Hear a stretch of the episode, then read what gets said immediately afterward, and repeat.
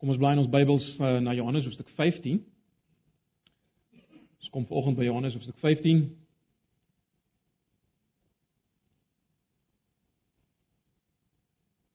Ag Vader, ons kom nou na U toe in die naam van Jesus en ons pleit maar net dat U deur die Gees die woord wat ook deur die Gees ingegee is sal gebruik om ons waarlik ook in hierdie oggend weer opnuut te laat verstaan wat U vir ons wil.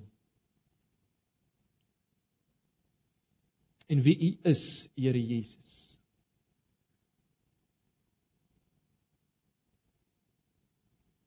Jy weet hoe geneig is ons om te vergeet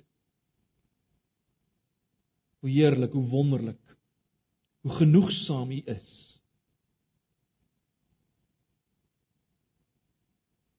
So dikwels wil ons maar weer ons eie ding doen. En misluk ons. Ons wil bid Here dat U in hierdie oggend waarlik ons oë sal oopmaak om U weer te sien opnuut.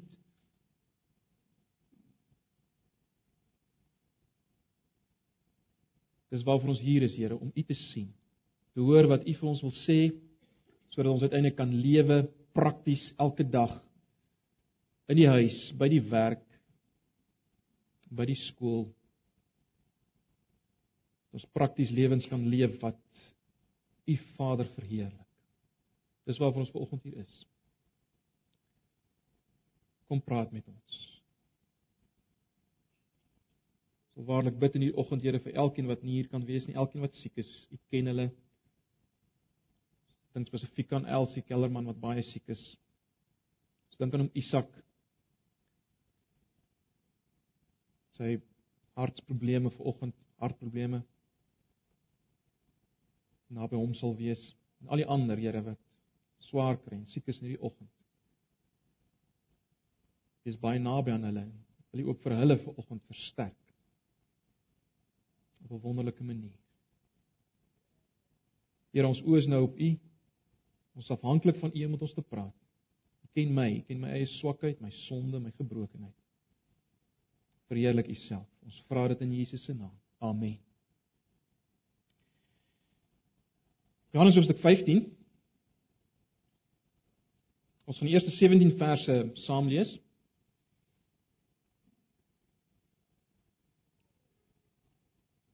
En veral konsentreer fokus op die eerste 5 verse. Johannes 15, 'n baie bekende gedeelte, maar broers en susters, ek dink is 'n is 'n sleutelgedeelte vir ons Christelike lewe. Uh ek hou nie daarvan om sleutelgedeeltes uit te rig nie, die die uit te lig nie. Die hele Bybel is belangrik, maar dis een van daai gedeeltes wat eintlik die hele boodskap van die Bybel vir ons in 'n in 'n kort gedeelte konsentreer en is daarom 'n uiters belangrike gedeelte. Johannes 15 vanaf vers 1. Ek lees maar die 83 vertaling. Ek is die ware wingerdstok en my Vader is die boer. Elke loot aan my wat nie vrugte dra nie, sny hy af, maar elkeen wat vrugte dra, snoei hy reg sodat dit nog meer vrugte kan dra. Julle is al reeds reggesnoei deur die woorde wat ek vir julle gesê het. Julle moet in my bly en ek in julle. 'n Loot kan nie uit sy eie vrugte dra as hy nie aan die wingerdstok bly nie. So en so julle ook nie as julle nie in my bly nie. Ek is die wingerdstok, julle die lote. Wie in my bly en ek in hom dra baie vrugte, want sonder my kan julle niks doen nie. As iemand nie in my bly nie, word hy weggegooi soos 'n loot en hy verdroog. Die mense maak sulke lote bymekaar en gooi dit in die vuur en dit verbrand. As julle in my bly en my woorde in julle vra dan net wat julle wil hê en julle sal dit kry. My Vader word juis daardeur verheerlik dat julle baie vrugte dra en my disippels is. Soos die Vader my liefhet, het ek julle ook lief. Julle moet in my liefde bly. As julle my opdragte uitvoer, sal julle in my liefde bly, net soos ek die opdragte van my Vader uitvoer en in sy liefde bly. Dit sê ek vir julle sodat my blydskap in julle kan wees en julle blydskap volkome kan wees. Dit is my opdrag. Hier is die opdragte waarvan hy gepraat het. Hier is dit nou. Julle moet mekaar lief hê soos ek julle liefhet.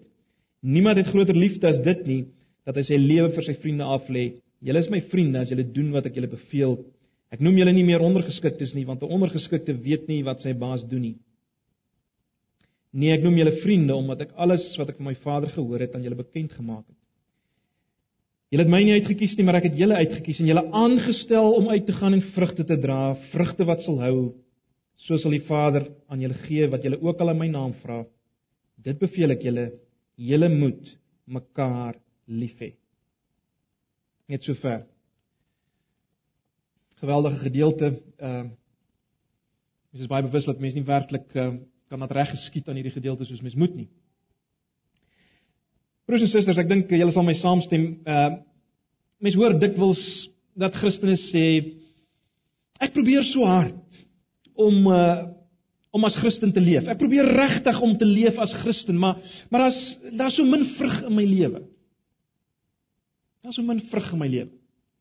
En ek wil hê ons moet vanoggend bietjie aan aan aan hierdie uitspraak dink. Ek wil hê ons moet vir onsself afvra wat bedoel ons presies? Uh as ons praat van vrug. Uh hoekom beleef ons dit dat ons nie vrug dra nie?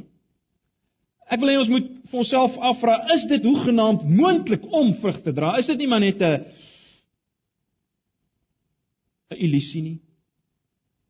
Kan ons werklik vrug dra as dit werklik moontlik? En hoe is dit moontlik?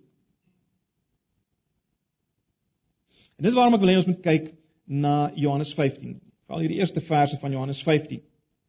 Nou, ons moet onthou dat uh van hoofstuk 14 vers 31 uh fokus Jesus spesifiek op op hoe sy disippels moet lewe as hy weg is. Wat hulle kan verwag. Hy het reeds iets daarvan gesê toe hy hulle bemoedig het deur die feit dat die troosters eh, trooster sal kom in effek dat hy na hulle sal terugkom as die gees maar hy gaan in hierdie laaste hoofstukke nou vir hulle sê wat kan hulle verwag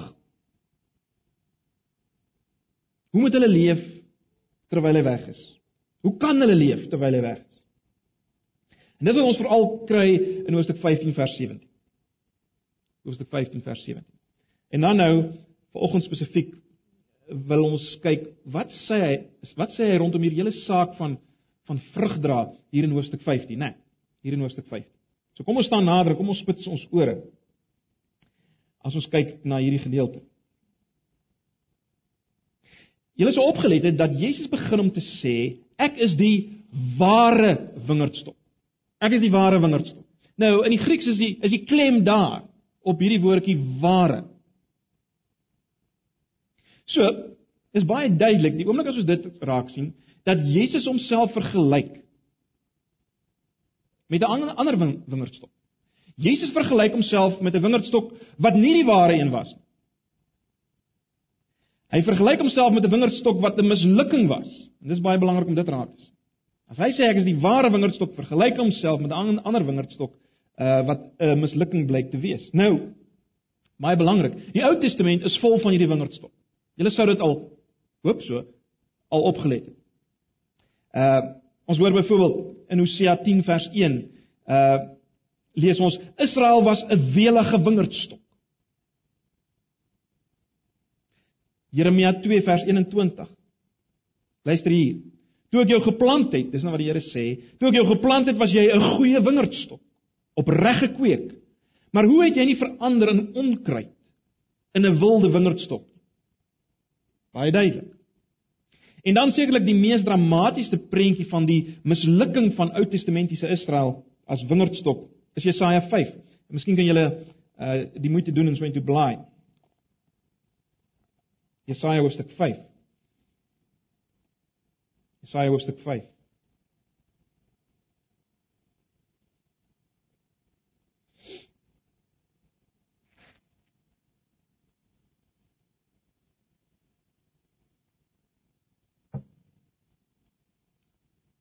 vanaf vers 1. Ek wil sing oor hom wat ek liefhet. Ek wil my liefdeslied sing oor sy wingerd. Hy wat ek liefhet, besit 'n wingerd op 'n vrugbare heuwel.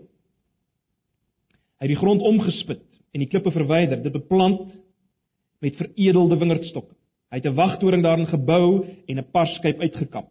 Hy het verwag dat dit goeie druiwe sou dra, maar toe bring dit druiwe voort wat suur bly. En nou, inwoners van Jerusalem en manne van Juda, beslis tog tussen my en my wingerd. Wat kan ek nog vir my wingerd doen wat ek nie reeds gedoen het nie? Wat is dan die rede dat dit suurdruiwe voortgebring het terwyl ek verwag het dat dit goeie druiwe sou dra? Ek maak julle nou bekend wat ek met my wingerd gaan doen. Ek gaan die doringheining verwyder en verbrand, sy muur afbreek sodat die wingerd vertrap kan word. Geweldige dramatiese gedeelte. So wat ons moet raak sien broers en susters is dat uh die wingerdstok was Israel. Israel.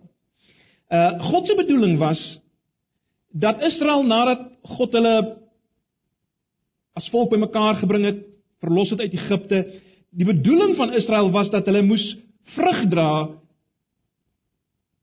onder die nasies, as ek dit so kan stel. Hulle moes aan die nasies bekend maak wie God is, hoe God lyk, wie God is. Sodat die wêreld uiteindelik geseën kan word, né? Nee, julle onthou dit wat God uh, aan Abraham gesê het. Sodat uiteindelik die die wêreld geseën kan word. Maar ons weet die tragiese is dat hierdie hierdie wingerd het nie aan hierdie hoë roeping voldoen nie, né? Nee. Dit is die hele tragiese verhaal van die Ou Testament. Hulle het die voorregte en die seënings wat hulle gekry het van God het hulle vir hulle self gehou.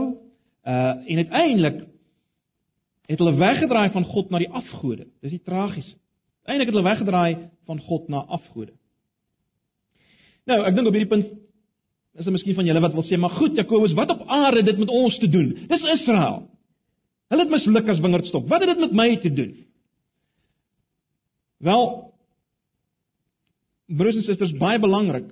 Hierdie gelykenis, as ek dit so kan stel,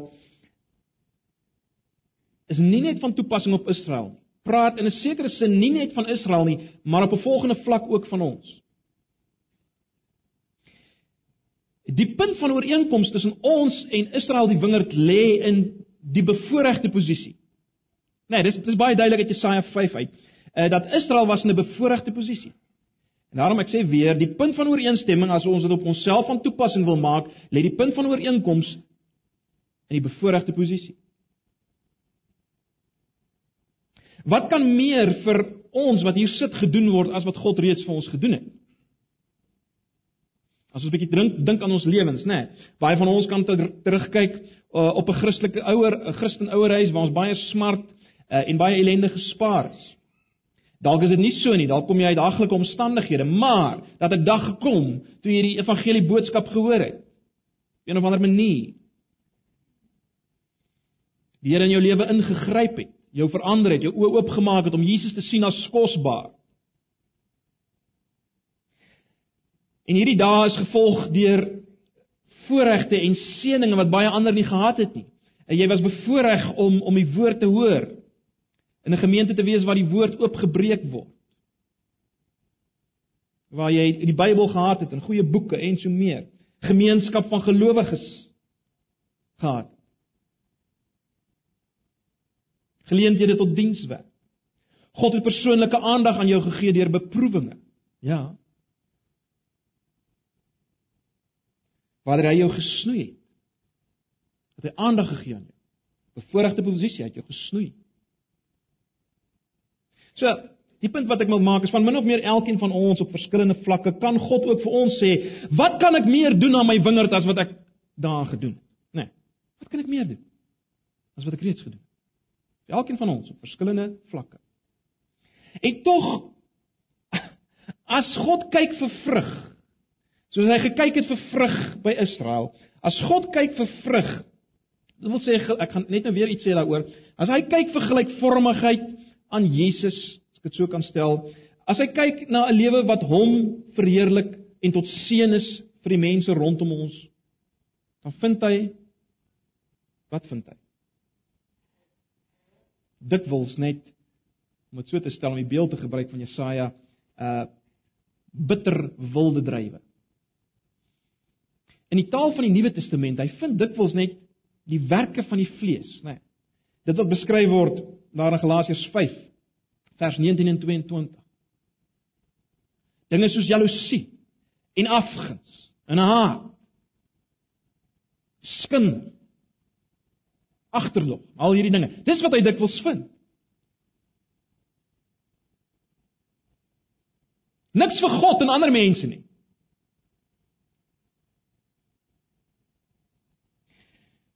Broers en susters, as ons baie eerlik moet wees, wat is die vrug wat ons dra in ons huwelike, in ons huise, by ons werk, binne die gemeente? Is dit nie dikwels die dinge wat ons sien daar in Galasiërs 5 wat beskryf word onder die werke van die vlees? Dit is nie wat ons dikwels sien nie. Baie eerlik.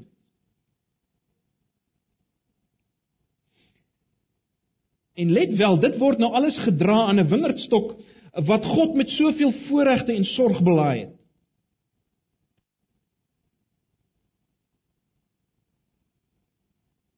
En en en let wel, dit gebeur ook as ons onsself baie sterk voorgenem het om dit so te stel dat ons uh anders gaan wees. Ons neem onsself voor. Ons probeer baie hard om anders te wees. Vrug te dra en dan gebeur dit. Is dit nie so nie?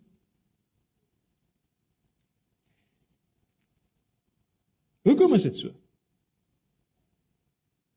Waarom lewer ons dikwels nie vrug nie. Ons gaan nou iets meer sê oor die vrug.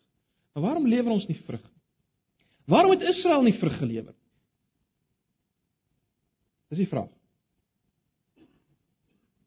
Hoekom was dit so gewees met ons dink net eers aan Israel? Die Ou Testamentiese wingerdstok. Hoekom was dit so met hulle gewees? Wat doen nou verkeerd?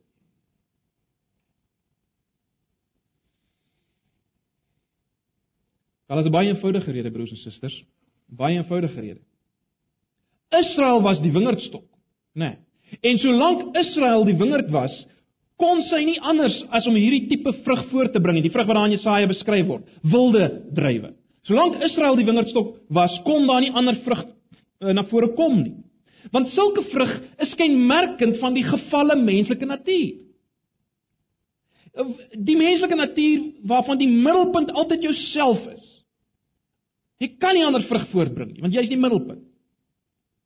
Kom ek stel dit so. As die menslike natuur kon verbeter om om die beeld te gebruik soet druiwe voort te bring, wel, dan sou dit in Israel se geval so gewees het, want aan geen wingerd in die geskiedenis om die beeld te gebruik, is daar meer aandag gegee, meer tyd spandeer deur God as Israel nie. So as dit enigsins moontlik was, vir die gevalle menslike natuur om vrug voort te bring. Wel, by Israel sou dit gebeur. Want ons geweldig aandag spandeer aan Israel deur God. Maar baie belangrik broers en susters, in die mislukking van Israel word iets vir ons baie duidelik geopenbaar. Ons moet dit raak sien. In die mislukking van Israel is die volkomme onvermoë van die mens om vir God vrug te dra vir eens en vir altyd gedemonstreer. So moenie dat daar enige illusie onder jou is of onder ons is. Mense kan nie vrug dra vir God. As dit moontlik was, dan sou Israel dit gedoen het. En dis die rede vir ons mislukking, dis die rede vir jou mislukking, vir my mislukking. Dis die rede vir jou mislukking. Die rede vir jou mislukking is bloot dat jy probeer om die winger te wees. Dis die rede vir jou mislukking en my mislukking. Ons probeer om om dit so te stel heiligheid en liefde verander in onsself en van onsself te vind en dis nie daar nie. En die Bybel wil nie hê ons moet dit daar vind nie, want ons kan dit nie daar vind nie. Dis die ons kan dit nie. Daar.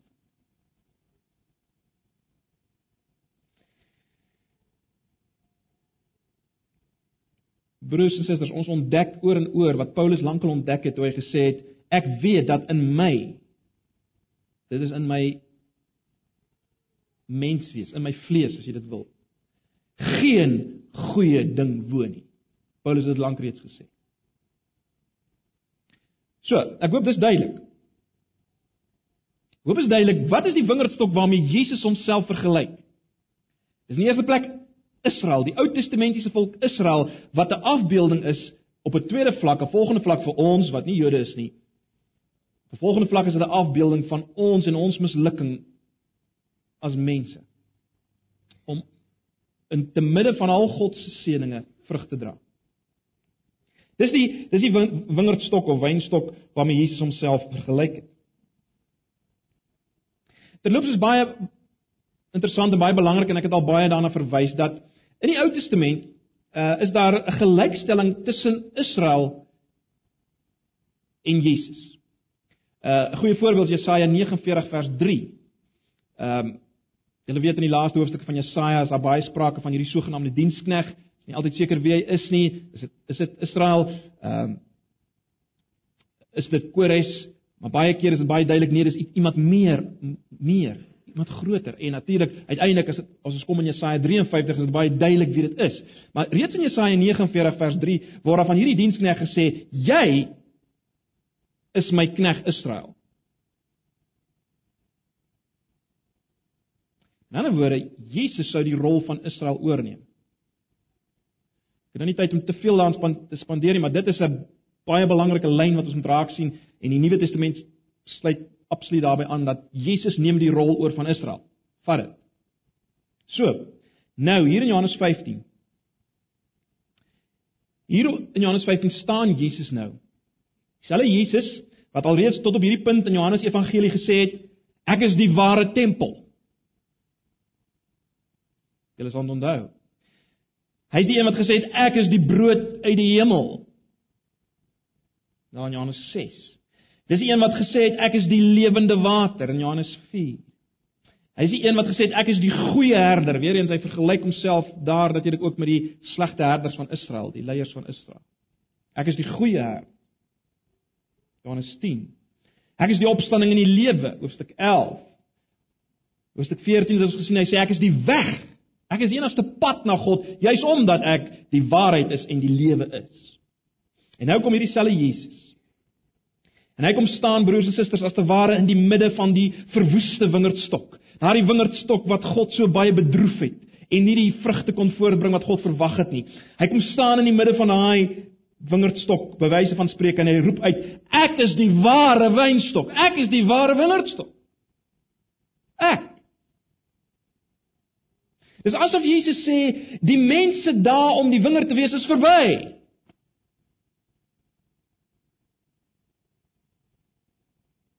Uiteindelik gaan God se oordeel oor die mens as wingerdstok in my voltrek word op Golgotha. Aan die kruis. Van nou af, onthou hy praat met hulle oor wat gaan wees as hy weg is. Dis waaroor hy praat. Wat gaan gebeur as hy weg is? Van nou af, as ek weg is. Ek is die wingerdstok. Ek is die wingerdstok.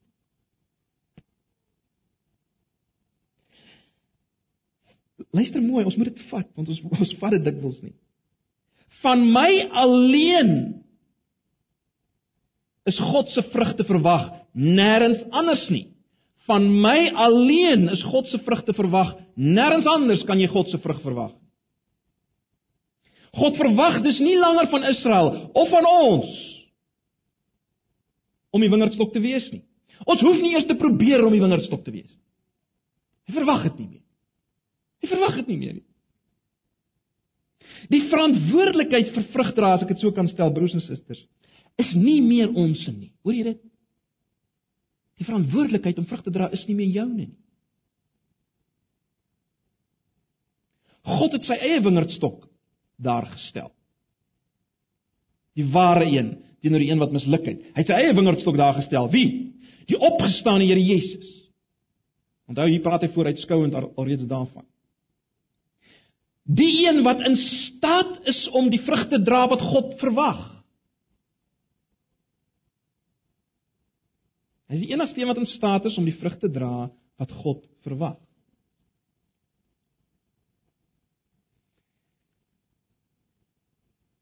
Hy is enigste een wat in staat is om die vrugte dra wat God verheerlik en tot seën is vir die nasies. Net hy. Israel het misluk. Dink jy jy kan slaag? Nee, jy kan nie. Net hy kan. Net hy. Dis God se wingerd, uiteindelik, die ware wingerdstok. Ek is die ware wingerdstok. Nou ek weet, op hierdie punt sê jy maar wag, wag, wag nou, Jakobus. Waar kom ons dan nou in die prentjie? Wat dan nou van ons? Wel, hulle het dit raak gelees. Ons is slegs lote. Lote, met ander woorde die takkies, die wingerd. Soos net lote. Wat is die punt daarvan? Hoekom sê Jesus, "Julle is die lote"? Die punt is ons produseer nie vrugte nie. Ons dra bloot dit wat hy produseer. Dis baie belangrik. Ons produseer nie vrug nie. Ons kan nie vrug produseer nie. Ons kan net die vrug dra wat hy produseer. Dit gooi natuurlik lig op uh op dit wat Paulus sê in Galasiërs 2 vers 20. Miskien jy net vinnig so intoe blaai. Galasiërs 2 vers 20.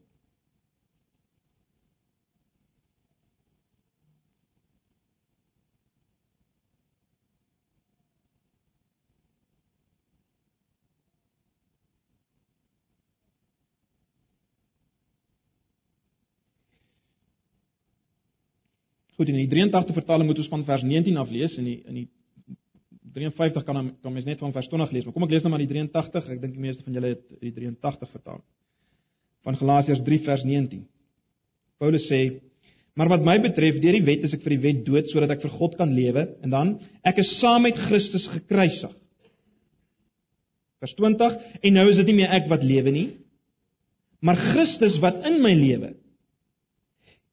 Aha, Die lewe wat ek nou nog hier lewe, leef ek in die geloof in die seun van God wat sy liefde vir my bewys het deur sy lewe vir my af te lê. Baie interessant. sien julle dit? Dit is eintlik 'n stuk kommentaar op Johannes 15 hierdie van Paulus in Galasiërs 2:20. Belangrik, hy gee kommentaar eintlik daarop. Julle is opgelet hier, hier sprake van 'n Paulus wat gekruisig is. Ek is met Christus gekruisig. So hier's 'n Paulus wat gekruisig is. en hier's tog nog 'n Paulus wat vir homself lewe, maar die lewe wat ek nou leef, so so daar's 'n Paulus wat gekruisig is en daar's 'n Paulus wat nog 'n lewe leef. Wie's wie? In die lig van Johannes 15. Wel, die Paulus wat gekruisig is met Christus, om dit so te stel, is Paulus die wingerd. Die man wat nog sy bes te probeer het. Julle sal onthou hy het sy bes te probeer en hy het hy het 'n goeie job gedoen. Al lees maar Filippense 4. Of ag uh Filippense 3 einde. Goed, so die Paulus wat gekruisig is met Christus is die Paulus is Paulus die wingerd, die man wat sy bes probeer het om vrug te dra vir God. Die Paulus wat nog leef, nê, nee, waarvan hy daar praat. Die lewe wat ek nou leef, daai Paulus, die Paulus wat nog leef is Paulus die lood. Paulus die lood. Die man wat gebreek is wat betref sy eie selfvertroue, sy eie onafhanklik wees, sy eie ding doen vir die Here. Die Paulus wat nou leef is die lood wat maar net maar net in die wingerd staan. Dis die Paulus wat nou leef. Jy sien, in Paulus die lood leef die Here Jesus sy lewe. Het julle dit gesien? Ek leef nie meer nie, maar Christus in my. Maar Christus in my. Dis wat Paulus sê. So Jesus leef sy lewe deur Paulus. Uh, net soos die wingerdstok deur sy sap om so te stel lewe in die lood so het Jesus gelewe in Paulus. Jesus het vir hom die wynstok geword as ek so kan stel, die bron van alle vrug en daardie vrug van Jesus is gesien in Paulus se lewe van dienswerk homself neerlê vir die nasies. Dis nie Paulus wat so oulik is nie. Paulus wat so toegewyd was nie.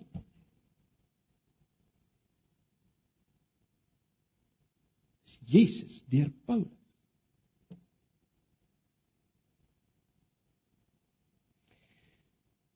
Ek wil net nou iets sê van vrug, dit net beklemtoon. Uh wat bedoel ons met vrug? Die vrug dra. Baie mense sê hierdie vrug dra wys net na uh die vrug wat ons dra deur evangelisasie werk. In ander woorde as mense tot bekering kom deur ons lewens, dis die vrug.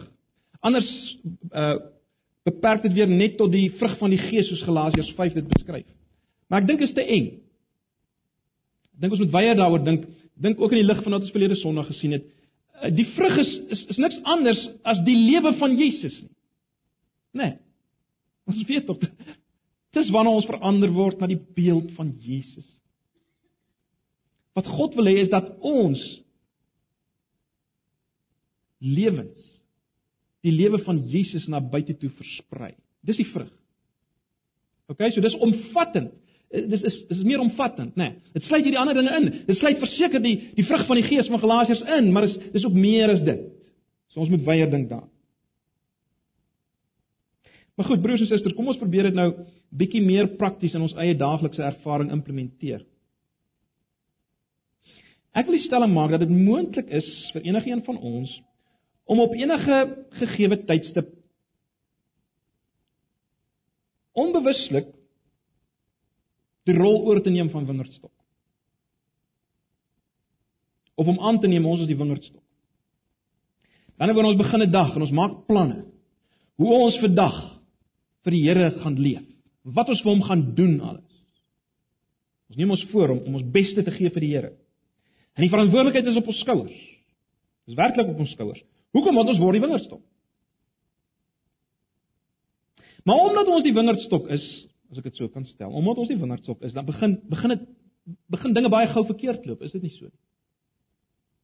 Mense en omstandighede krap ons program deurmekaar. Ons kry nou nie hierdie ding gedoen vir die Here soos ons dit wil gedoen kry nie. Uh, mense omstandighede krap dit deurmekaar en uh, dit meng in met wat ons wil doen en, en baie gou is die reaksie van ons harte is wat? Hardheid en irritasie en gegriefdheid en hierdie dinge kom uit. Kom uit kom oor ons lippe ook, nie net uit ons harte uit. En, en hierdie blote verantwoordelikheid om die vinger te wees maak ons gespanne. En hierdie gespannendheid lei tot nog meer sonde. Dikwels na 'n dag is ons nie eens meer lus om te bid nie. En as ons nog die verantwoordelikheid het van 'n spesifieke Christelike dienswerk dan dan raak hierdie gespannendheid nog meer ehm uh, nog erger en is geen wonder dat ons dikwels verslaan, verslaan terugkom na na 'n dag nie. Uh niemand het deur wat ons gesê het nader gekom aan Christus nie. Niemand nie. Inteendeel, hulle is dalk meer eerder weggedryf. God is nie verheerlik deur die situasie nie en ons voel moedeloos.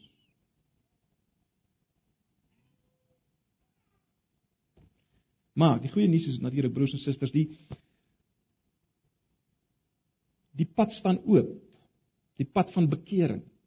Die pad van terugkeer om ons posisie in te neem wat ons moet inneem. Die pad staan oop juis omdat ons ware wingerdstok Jesus verbrand is op Golgotha om dit so te stel. Né? Nee. Onthou nou wat ons gesien het in die Ou Testament, né? Nee, Jesus wat gelyk is gelyk gestel is met Israel. Waarop kom dit neer? Dit kom daarop neer broers en susters toe Jesus op op Golgotha sterf, toe sterf Israel. En dis die wonderlike van die Nuwe Testament dat Ou Testamentiese Israel, die ou verbondstelsel het ondergegaan toe Jesus gesterf het. Gaan bestudeer net Galasiërs weer. Gryp Het ondergegaan met Jesus. En omdat die ou Israel, die ou wingerd verbrand is in Jesus, wat die rol oorneem van die wingerd en hy is op Golgotha verbrand. Die ou wingerd is verbrand en omdat hy verbrand is, kan ons nou vrug dra.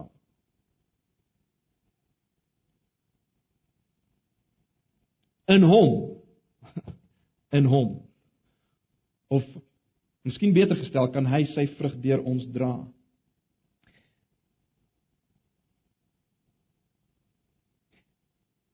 Maar dit gebeur as ons as ons terugkeer en erken dat die rede vir my sondes is dit. Ek het probeer om die wingerdstok te wees. Dis die rede vir my sonde. En dit sluit eintlik aan by wat Paulus in Filippense 3 sê as hy sê wat ek as bate beskou het, beskou ek nou as drek ter wille van Christus. Paulus het gesien, dis eintlik dis eintlik hierdie goeie dinge, hierdie hierdie dinge wat hy vir die Here gedoen het wat eintlik sy groot probleem is. Sy groot probleem is eintlik die rede waarom hy God probeer behaag. Dit is sy groter probleem as die feit dat hy hom nie dat hy nie die reg gekry het om hom te behaag nie. Dis die rede hoekom hy hom probeer behaag het. Hy probeer om sy eie wingerdstok te wees, sy eie verlosser. Eh, dit is dieselfde hier.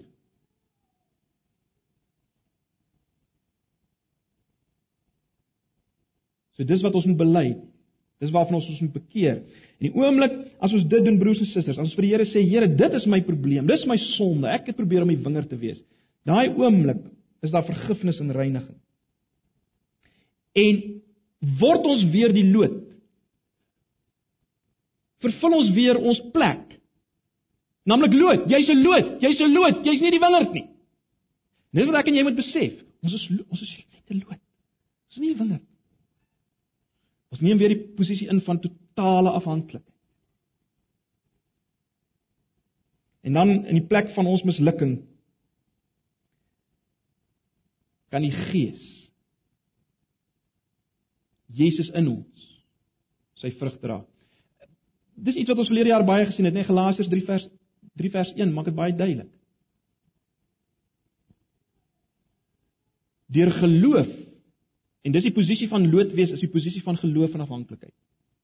Ons sal nou weer daarna kyk. Deur geloof kom die Gees aan die werk. Geloof en Gees gaan saam. Werke, eie werke en vlees gaan saam in Galasiërs. Paulus sê jy's vir die Galasiërs, hoekom wil julle nou weer? Nou, julle wil nou nie die vlees aangaan, julle die Gees deur die geloof. Dis wat ons doen. So die oomblik as ek terugkeer, dan neem ek weer my posisie in as lood. As ek bely dit is my probleem, ek wil ek wil die wingerdstok wees.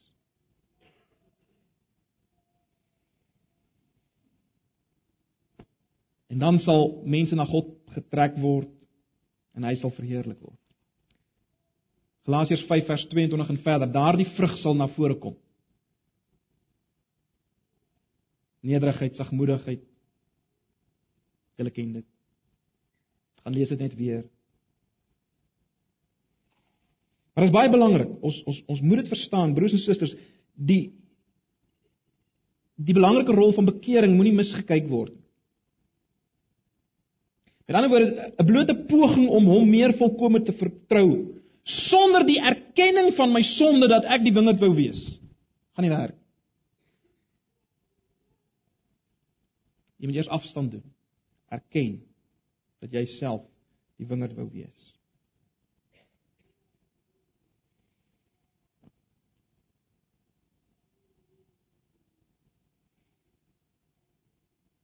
Sien as net as ek bekeer, om dit so te stel, net as ek bekeer van my liefdeloosheid kan sy liefde na vore kom. Net as ek my bekommernis en my tekort aan vrede bely, kan ek sy vrede hê. Net as ek my ongeduldigheid bely, kan ek kan sy geduldigheid na vore kom. Net as ek my gegriefdheid bely, kan sy sagmoedigheid na vore kom, as ek dit so kan stel. Maar is natuurlik meer as dit. As ek gewillig is om my posisie in te neem, om hom die ware wingerdstok te laat wees en my die lood. Uh dan kom sy doelwitte vir verlossing na vore, né? Sy seën verander. Dit kan nie anders wees nie. Kyk, ons ons moenie dink ons het nodig om hom te oortuig om ander mense te red en aan te raak. Ons het nie nodig om hom te af en te oortuig nie. Dit is sy werk. En let wel, hy begin nie net met hierdie werk as ons begin bid en glo nie. Hy's altyd daarmee besig. Maar ons het dikwels net nie deel daaraan nie omdat ons nie verbind bly met hom. Maar as ons deur geloof weer ons posisie inneem en ons raak weer verbind met hom, dan raak ons deel hiervan. Dan raak ons deel van sy doelwitte waarmee hy in elk geval besig is. Hy's nie in elk geval daarmee besig. Nou, broers en susters. Net 'n paar laaste gedagtes oor Wat beteken dit dan om in my te bly? Hulle sal opgelet het hy sê gedurig bly in my. Dit is baie belangrik dat ons hierdie woorde van vers 4 dat ons dit nie weer 'n soort van 'n stryd maak. Met ander woorde, die klem laat val op, kyk, die geheim is eintlik die bly in hom. Nee nee, die geheim is hy. Die geheim is Jesus. Dis nie jou bly in hom wat die geheim is. Die hele gedagte is hier dat God het ons reeds in hom geplaas. Ons moet voortgaan om in hom te bly. Ons moet bloot voortgaan om ons posisie van lood in te neem. Dis die hele gedagte. Hoe doen ons dit? Wel ons het reeds daaraan geraak, né? Nee. In die eerste plek, heel basies. Ons bly in hom as ons hom op sy woord vat. As ons hom op sy woord vat dat hy die wingerdstok is. In ander woorde, as ons gedurig deur geloof Jesus as die wingerdstok sien. Die een wat sy doelwitte uitwerk.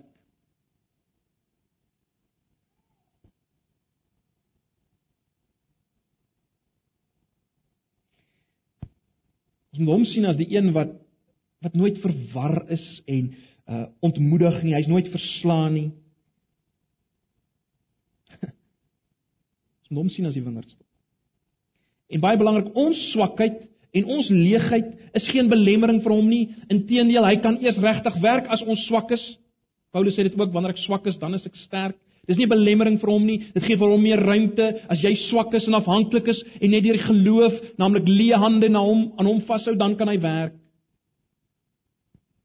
Glo ons dit? Dis net logies nê nee, dat as ons dit sê dat daar gedurende bekering moet wees, 'n terugkeer. Ons het dit reeds genoem, nê. Nee. Maar dit is belangrik uh dat ek sal verstaan dat ek reeds met hom verbind is, dat ek deur geloof daardie posisie sal inneem. Ek is met hom verbind. Dis wat hy gedoen het. En ek moet bly in daai posisie. So dis die eerste manier hoe ek in hom bly is deur die geloof. Dis 'n sleutel dwars deur die Nuwe Testament.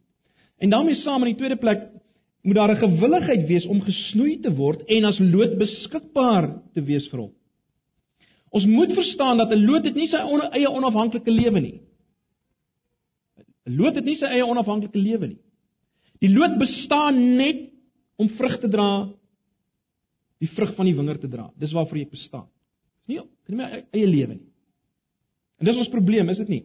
Ehm uh, ons stryd is dikwels ons eie selfsugtige dingetjies wat ons wil, ons persoonlike belange. Ons is nie beskikbaar vir hom nie. En dis belangrik. As ek in hom wil bly, moet ek my beskikbaar stel. Dis hoe ek as mens lood bly stel my beskikbaar. Dit beteken ek sien af van my eie regte en my eie wense. Laat toe dat dat sy wense na vore kom. So dis daai beskikbaarheid, né? Nee. En hiermee saam, julle sou opgelet het, dit is dit is baie prominent in hierdie gedeelte. Ehm um, net weer die gedeelte kry Johannes in Johannes 15.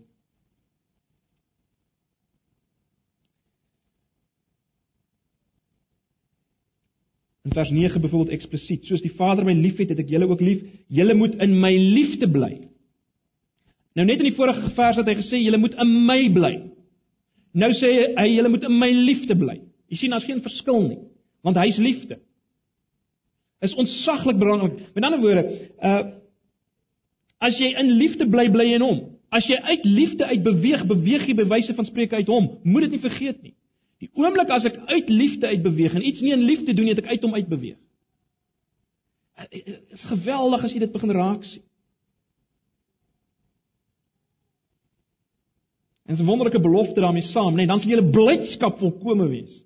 Dit gaan nie broers en susters, ons moenie hierdie goed as swaarheid sien nie. Dis 'n vreugdevolle iets. Dit gaan oor blydskap, nê, nee, dis wat baie duidelik is daar. Dit sê ek vir julle sodat my blydskap in julle kan wees en julle blydskap let wel volkome kan wees. Jesus wil vir ons die toppunt van blydskap gee. As ons maar net in hom bly. Dit waar daar waar hy ons geplaas het. En dit beteken in liefde.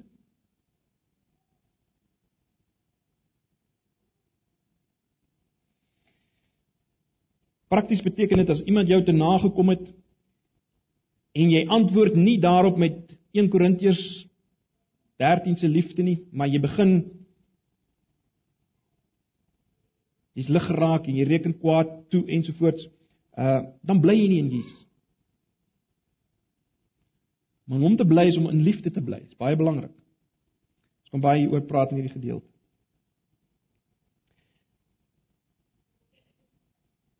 Julle sou gesien het gebedsverhoring in vers 7. Ek gaan nie nou daarop in nie, ons het nie tyd nie. Maar dit is baie belangrik. Gebedsverhoring word beloof. Hoekom? Jy's omdat ons as ons in hom bly, dan raak sy begeertes ons begeertes. En dan kan ons weet ons gebede sal verhoor word. Watter gebede, watter gebede? Gebede wat hom verheerlik. Vrug wat hom wat die Vader verheerlik. Dit sal verhoor word. Sulke gebede sal verhoor word. Dis wat hy beloof in vers 7. Waaroor gaan dit alles broers en susters? Die eer van die landbouer. God, né? Nee. Baie belangrik, hierdie vrug is nie om ons beter te laat lyk nie. Dis nie om jou beter te laat lyk nie. Dis om die Vader te verheerlik. En daarom uh dit beteken nie alles gaan met jou voor die wind gaan as jy as lood in die wingerdstok bly nie. Nee. Vader gaan jou snoei. Maar hy gaan verheerlik word. Net 'n laaste opmerking.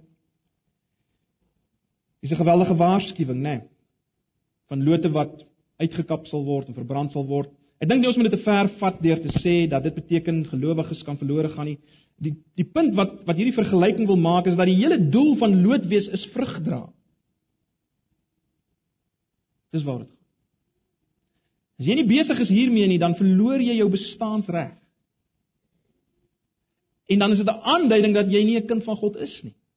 As as dit nie deel is van jou van jou lewe nie, van jou bestaan nie, die bly in hom nie.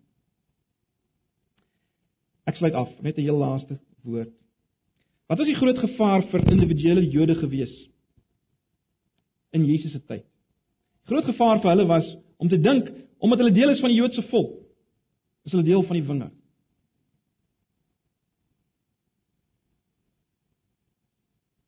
Mense sien Jesus is die wingerd. En broers en susters,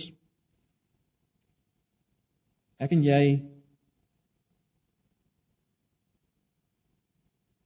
is net deel van die wingerd kan net vrug dra as ons in Jesus is. Baie belangrik. Nie omdat ons deel is van die gemeente nie.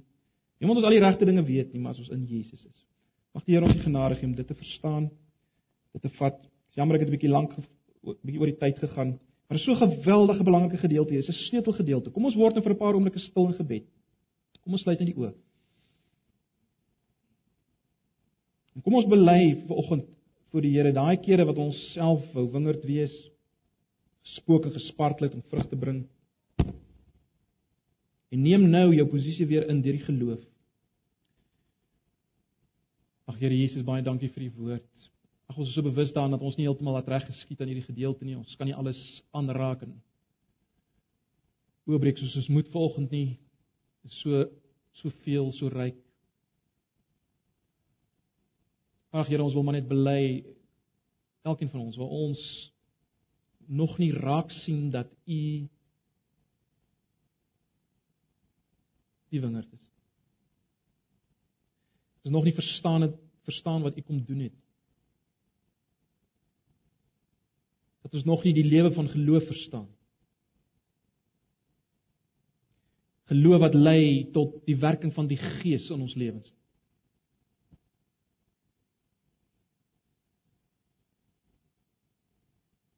Here, ek wil bid dat U self ons verstand sal oopsluit om dit te sien. Om dit te vat, asseblief. Ons vra dit in Jesus se naam. Ek wil bid as hier vanoggend iemand is wat nog nooit U gesien het vir wie U is nie. Iemand wat nog dink hy of sy kan die lewe, die ewige lewe kry deur enige getrouheid, respektaabelheid, godsdiens Ag Here, maak hulle oë oop vanoggend dat hulle U sal sien as die enigste weg na God. Die enigste een wat vrug dra wat God verwag. Asseblief vra dit in Jesus se naam. Amen. Kom ons sluit af met 'n laaste lied, broers en susters.